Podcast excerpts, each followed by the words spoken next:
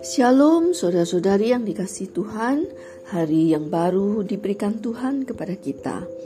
Satu kesempatan untuk berjalan bersama Tuhan Sehingga kita bisa memuliakan dia.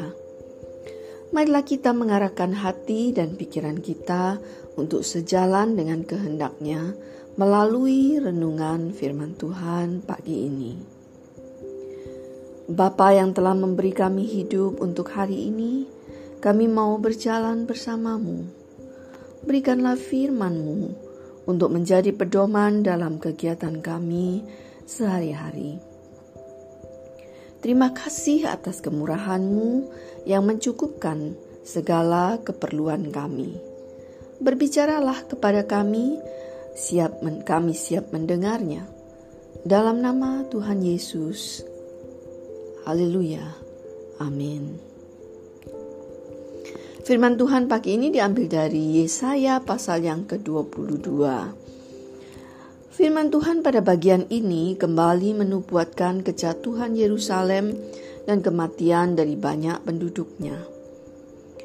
Nubuat yang disampaikan oleh Yesaya berisi teguran dan penghukuman. Pada waktu ucapan ilahi ini disampaikan oleh Yesaya, bangsa Yehuda baru terluput dari kematian karena Raja Asyur, Sanherib, mundur dari Yerusalem. Keadaan Yerusalem, kota yang sekalipun berkubu itu, mengalami kerusakan di benteng-bentengnya. Penduduknya mengalami kelaparan akibat pengepungan oleh tentara Asyur. Mereka menjadi miskin sekali. Di tengah-tengah keadaan seperti ini, pemimpin dan bangsa Yehuda belum bertobat. Mereka tidak mencari Yahweh, Allah mereka sendiri, karena mereka mungkin melihat bahwa ilah daripada musuh mereka telah memberikan kepada musuh mereka kemenangan. Mereka bergantung kepada diri mereka sendiri dan hal-hal di luar Tuhan, seperti perlengkapan senjata di gedung hutan, menguatkan tembok-tembok kota dengan merobohkan rumah karena bahan untuk tembok-tembok tersebut tidak tersedia. Membuat tempat pengumpulan air di antara kedua tembok untuk menampung air dari kolam lama. Semuanya ini mereka lakukan untuk menahan musuh. Perhatikan baik-baik, saudara-saudari, bangsa Yehuda tidak berpikir sedikit pun mengapa mereka dikalahkan musuh.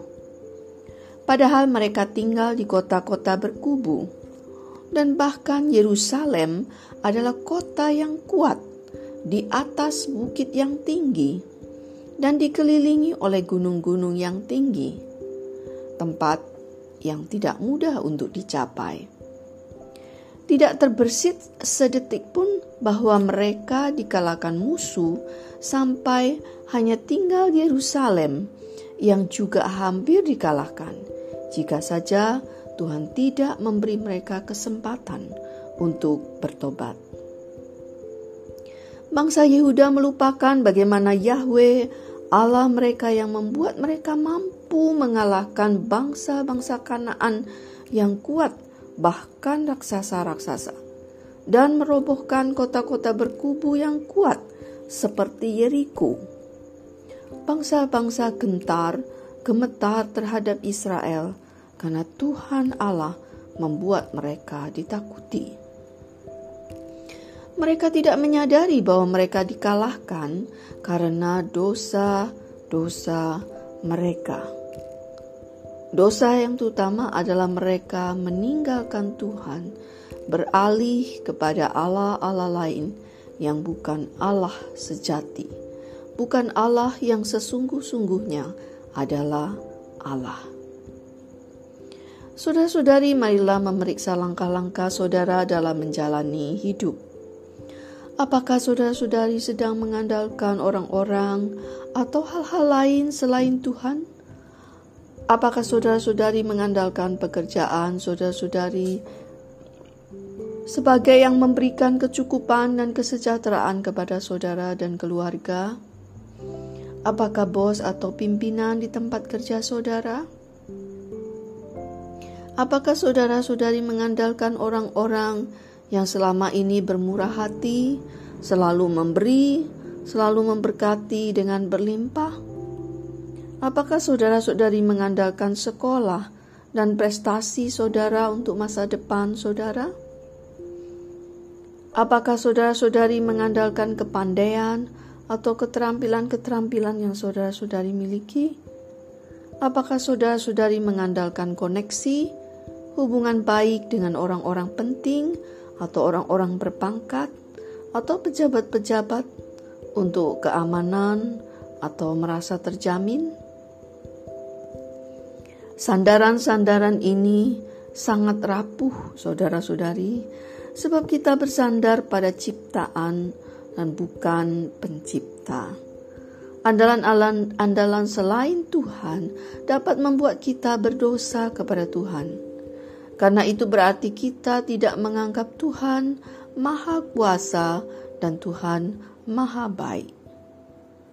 Tentu, Tuhan juga akan sangat sedih jika kita menganggap Dia tidak mampu, padahal Dia telah menebus kita supaya kita mengenal Dia, Tuhan yang sesungguh-sungguhnya adalah Tuhan semesta alam. Dia saja yang patut kita andalkan. Bangsa Yehuda diperintahkan Tuhan, Tuhan semesta alam, untuk menangis dan meratap, berkabung karena dosa-dosa mereka, tetapi mereka tidak melakukannya. Malahan mereka berpesta dengan makan daging dan minum anggur karena melihat hidup itu untuk dinikmati, meski hanya tidak lama. Mereka berpikir kalau sudah mati, maka mereka sudah tidak bisa bersenang-senang. Mereka tidak mengingat bahwa mereka harus mempertanggungjawabkan segala yang mereka perbuat kepada Tuhan ketika mereka mati. Saudara-saudari, banyak orang melihat hidup ini untuk kenikmatan diri. Selagi hidup harus bersenang-senang dengan makanan, pakaian, jalan-jalan, dan lain-lain. Jika sudah tidak bisa menikmati semua, lalu ingin mati saja. Sebagai orang yang telah ditebus oleh Tuhan, kita berbeda. Kita telah ditebus dari cara hidup yang lama, yaitu hidup untuk diri kita sendiri. Kita ditebus untuk hidup bagi Tuhan. Tubuh ini akan binasa, kembali ke tanah, tapi roh kita akan menghadap Tuhan, penebus kita, di mana kita akan mempertanggungjawabkan hidup yang sudah ditebus oleh Tuhan itu. Karena bangsa Yehuda bersikap demikian, yaitu tidak ada penyesalan dan pertobatan, maka Tuhan menetapkan bahwa kesalahan mereka tidak akan diampuni sampai mereka mati. Dalam ayat 14. Ini berarti tidak ada lagi kesempatan untuk bertobat. Mereka akan dihukum. Penduduknya akan ketakutan sehingga sembunyi di sotoh rumah mereka dan teriak mereka minta tolong terdengar sampai ke puncak gunung. Mereka akan mati bukan oleh pedang atau gugur di medan perang, tapi karena kelaparan. Dan para panglima perang dan orang-orang gagah perkasa akan tertawan tanpa peperangan.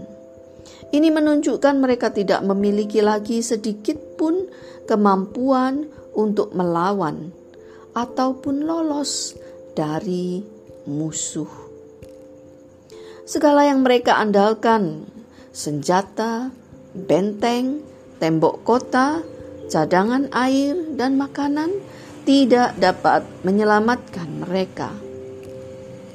Karena itu Nabi Yesaya menangis dengan pahit karena tahu bahwa hal ini pasti terjadi. Kiranya hal ini menjadi peringatan bagi kita juga agar tidak bersandar kepada yang lain selain Tuhan. Pada masa tenggang, yaitu waktu yang diberikan Tuhan agar mereka bertobat, Tuhan menghukum mati Sepna, pemimpin mereka yang menyesatkan mereka.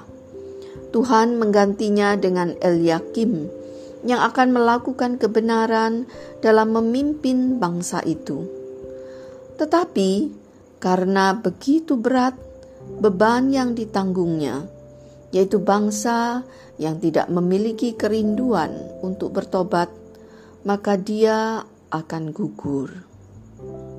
Masa kasih karunia Tuhan sudah habis, dan bangsa Yehuda akan ditawan dan dibuang dari negerinya. Saudara-saudari, marilah memanfaatkan masa tenggang, masa di mana Tuhan memberikan kesempatan untuk hidup dengan benar, untuk hidup mentaati Tuhan. Memiliki pendeta atau pengurus jemaat yang baik dan benar tidaklah cukup kita harus mendorong diri kita untuk mencari Tuhan dan menyukai firman-Nya. Tuhan pasti menolong kita. Amin. Mari kita berdoa. Tuhan kami kagum dan mengucap syukur atas kebesaran kasih-Mu. Betapa Engkau Allah yang panjang sabar dan senantiasa menolong kami untuk mengerti bagaimana kami harus hidup. Melalui firman pagi ini, kami merasa gentar terhadap murkamu, terhadap dosa dan kekerasan hati. Kami mohon pertolonganmu agar kami menyadari bagaimana kami mengisi hidup kami, dan agar kami mengandalkan Engkau saja dalam seluruh hidup kami. Kami mengasihi Engkau, Tuhan Allah yang sejati. Dalam nama Tuhan Yesus kami berdoa. Amin.